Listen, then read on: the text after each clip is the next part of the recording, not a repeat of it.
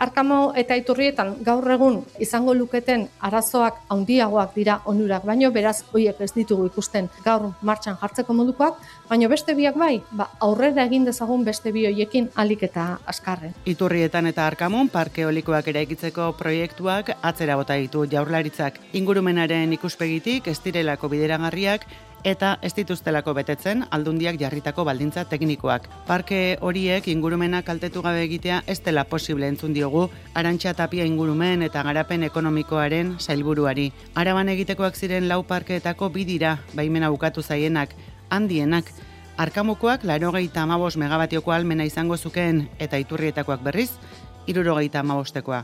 Eta txikiagoak dira oniritzia jaso duten beste biak, labraza eta sazetakoak berrogei megabatiokoak. Iberdrolak eta energiaren euskal erakundeak kudeatzen duten aixe indar sozietateak honen bestez, bi proiektuekin aurrera ingo du. Arabako mendiak aske plataforma parke olikoen proiektuak geratzeko eskatzen ari da abendu eskeroz, asmoen berri izan genuenetik. Aitor Armentia plataformako kideari galdetu diogu, albistea nola hartu duten. Principios eh, ondo hartu dugu, ba, aldez aurretik, bueno, Arkamota eturrita, Natura 2000 sareko konservazio bereziko ere dira, eta horre zentrale olikoak planteatzea, ba, nahiko jarrigarria zan, ez, e, ekuak e, argita garbi e, ez zirian aproposenak e, zentrale olikoak e, jartzeko. Ordune, arkamota eturrita baztertzea e, ondo ikusten dugu. Ez zeneteke, garaipen bat izan dela, baina hala ere, e, eta Nabrazako proiektuak aurrera doaz, eta guretzako ba, garaipen hori ba, ez da olako garaipena, ez da beste proiektuak aurrera doa zelako. Hortune hasi gozo, gozo bai. Ez dira hain dia, baina adibidez zuzmen berri bat, ba, zazetan, hauzitu nahi dutela, deribarren proiektu bat egin nahi dutela, iberrolak esan du, eh? Eta horren arabera, ba, oen e, zikia denetik, e, mar batio baino gutxiago denetik, e, kudeatzen du, eusko jaularitza kudeatzen. Haunditzen badut, eh, gauzak aldatzen dira, porque ja haundia hau izango zen, eta kudeatu beharko zuen e, Espainiako ministerioak. Orduan, zikia dira, baina, bueno, e, guk esaten duguna, mendietan, e, zindirerako katu olako, olako infrastruktura. Ez, era, industriaria, industria guneak, e, ba, guretzako, ba, eusko jarraritzak esaten du klima aldaketa dela eta, ba, entzale eolika jarri nahi dituela, eta guk esaten duguna da, klima, klima aldaketaren arrozi nagusitako bat, natura eta biotxetatea zuntzitzea dela. Orduan, esain nahi duguna da, zuntzitu gabe dagoen bakarra, ez, hemen e, Euskadin, mendia da, ez, eta klima aldaketaren kontra borgatzeko, natura eta biotxetatea mantentzea, ba, premiazkoa da.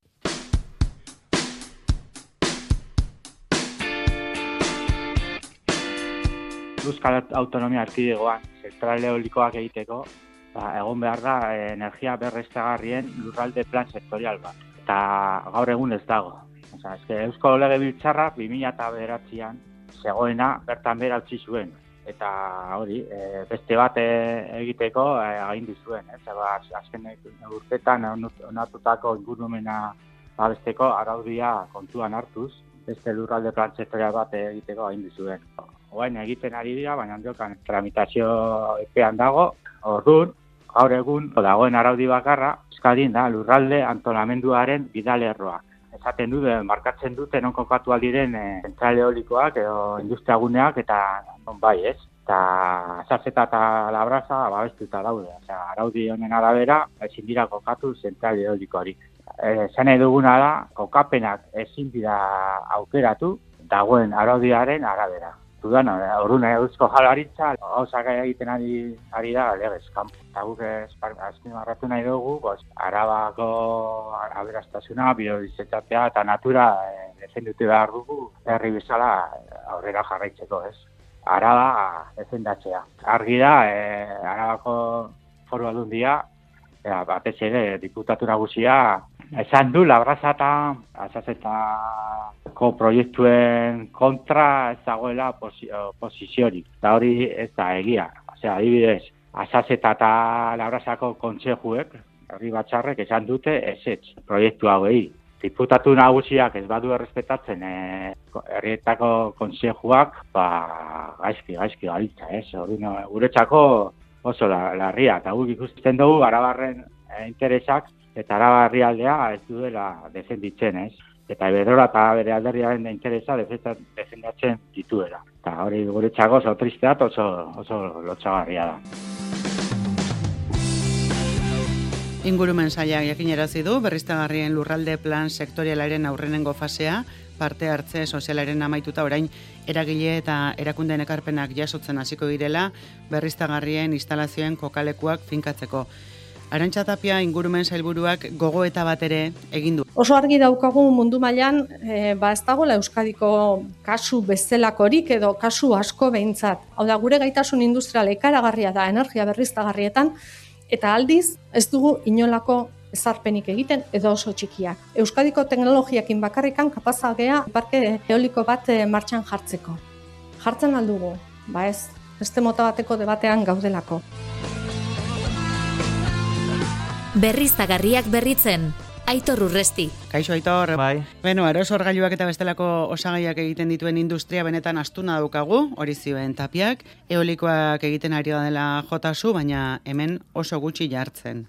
Bueno, egia da, egia da, zen e, azkenengo parkea eraiki zenetik, ba, nik uste gutxinez, hamar bat urte izango dirala, Baina, bueno, baita ere, nik beste hausnarketa bat egin, egingo nuke, ez? Eta tapiak nik ez dakit nahi edo, edo nahi ez, baina e, ez da bai da ireki du. Mm, arazoa ez da eolikoak bai edo ez, baizik eta eolikoak non eta zelan, ez? Hortze dago, nik uste dut gakoa eta eta gian hori da azken urteetan gertatzen hasi dana, ez? Zenolako proposamenak egiten diran eta horiek zenolako erantzuna jasatzen duten gizartearen e, aldetik. Eta tamainaz ere nolakoa diren. Iturri eta eta arkamukoak ingurumenen ikuspegitik ez direla bideragarriak, horregatik ez diote ez diete baimenik eman. Azazeta eta Labrazako parken proiektua berriz bai. Hogei mila alegazioa aurkeztuak zituzten, Arabako eolikoen kontra Arabako mendiak aske H bildu aldugu eta ekuok. Ez dirudu ez da bai hemen bukatuko denik, ingurumenaren impactua, biodiversiadea, aipatu ditu aitor armentiak, hauek aldira kontra egiteko arrazoi nagusiak.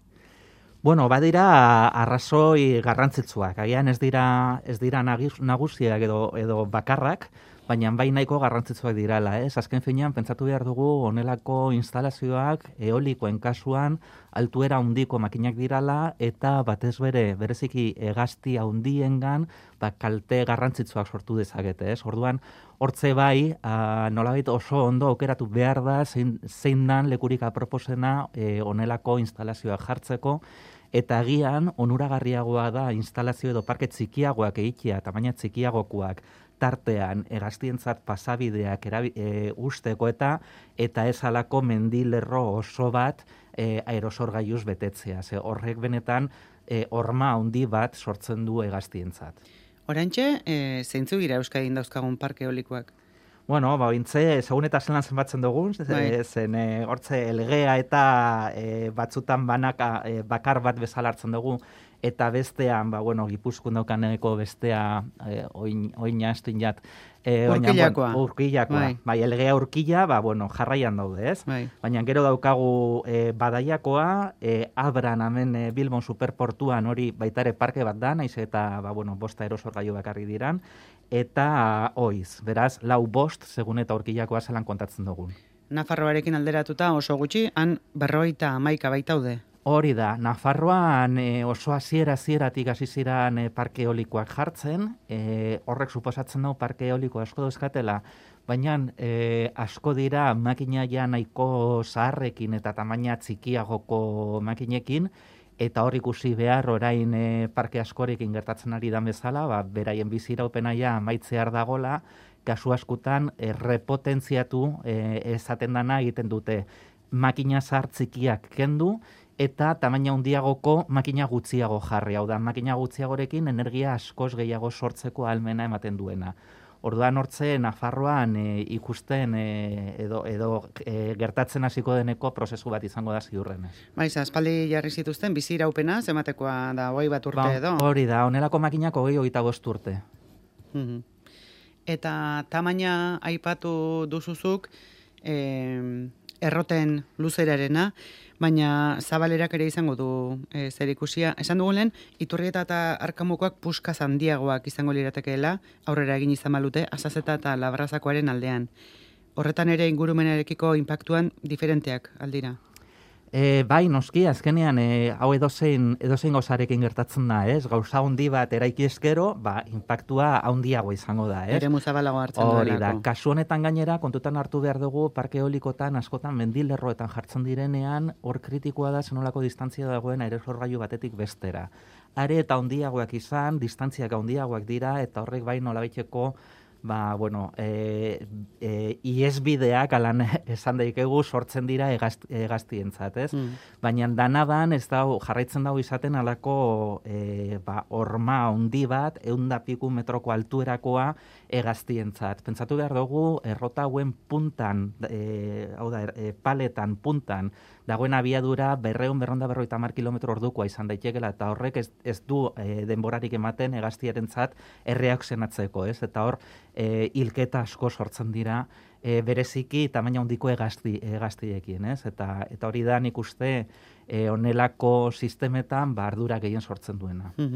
Eta jakina, zemat eta ere muzabalagoa eta e, aize errota horiek altuagoak errentagarriak izango dira. Hori argi dago, ez? Mm. Azken finean, onerako instalaziotan e, kostu finko bat dago beti, a, dala e, energia e, ataratzeko behar deneko azpiegitura guztia, ez? Ez transformazio zentro bat egon, egon behar da, e, e, zare elektriko bat sortu behar da, guzti horrek kostu finko bat suposatzen dago.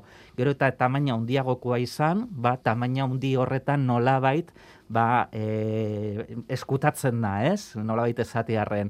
Eta errentagarritasuna asko handitzen du. Mm -hmm. Konta eguzu, gutxi bera, e, oinarrizkoena azalduta behintzat, energia olikoa zertan datzan? Bueno, energia eolikoa, ba, nik uste, e, energia eta bioenergiarekin bat, badirala e, betidanik gizakiak erabili izan dituneko energiturriak, ez?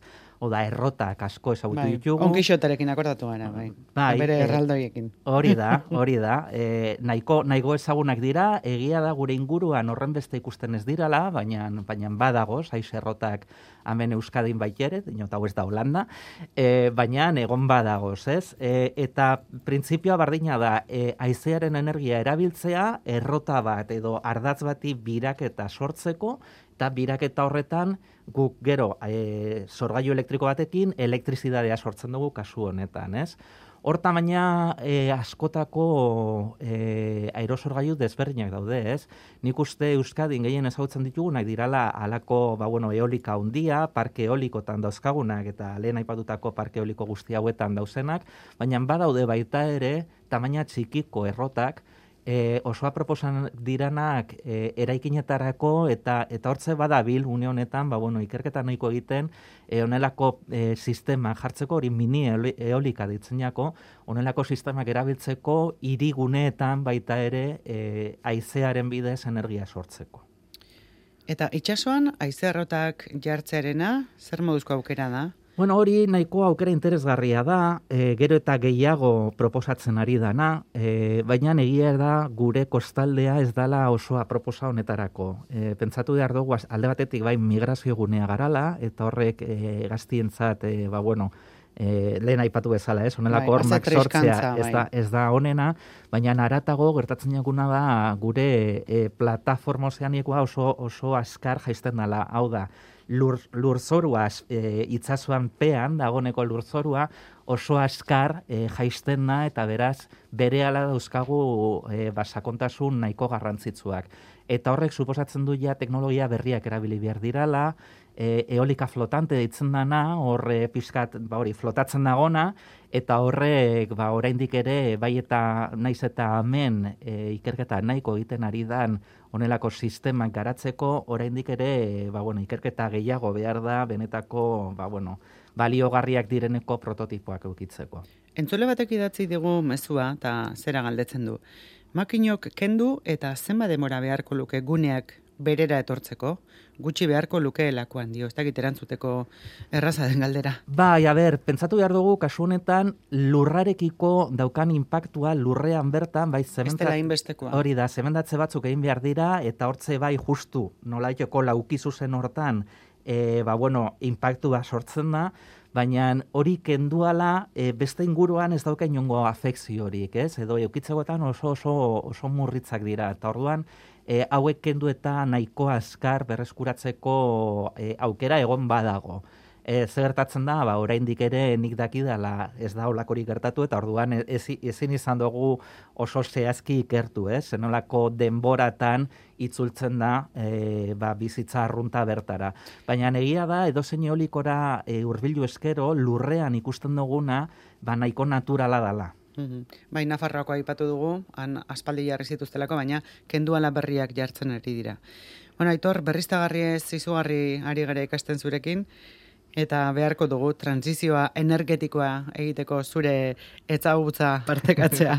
Zu ingenieritza eskolan berriztagarrien irakasle zara eta oraintxe erabat zertza bete klimatoiari begira prestaketetan. Hori da. Klimatoia bada Europa mailan egiten daneko ekitaldi bat, ez da guk nolabait asmatutakoa eta e, proposamena hori da. E, gure kasuan hainbat enpresek eta erakundek erronka batzuk proposatu dituzte eta erronka horien inguruan taldeka gazte ekintzaiek ba, nolabait hausnarketa bete egiten dute eta irtenbide bat bilatu, ez? Ordanetari dago, badauzkago adibidez komunitate energetikoak zelan bultzatu daitezke bigune desberdinetan, bai e, nekazal munduan eta baita ere industriaren eta eta etxe bizitzen hortze nolaiteko simbiosi bat lortuz, e, mugikortasun sostengarria, hidrogenoa bera baitere, e, badaukaguz baita ere ekonomia zirkularrean inguruko e, erronkak, azkenean sortzi erronka dauzkagu, eta, eta bueno, nik uste hogei hogei tamar urteko entzulerik badaukagu, tarte hortakoak, hogeitik hogei tamarrera,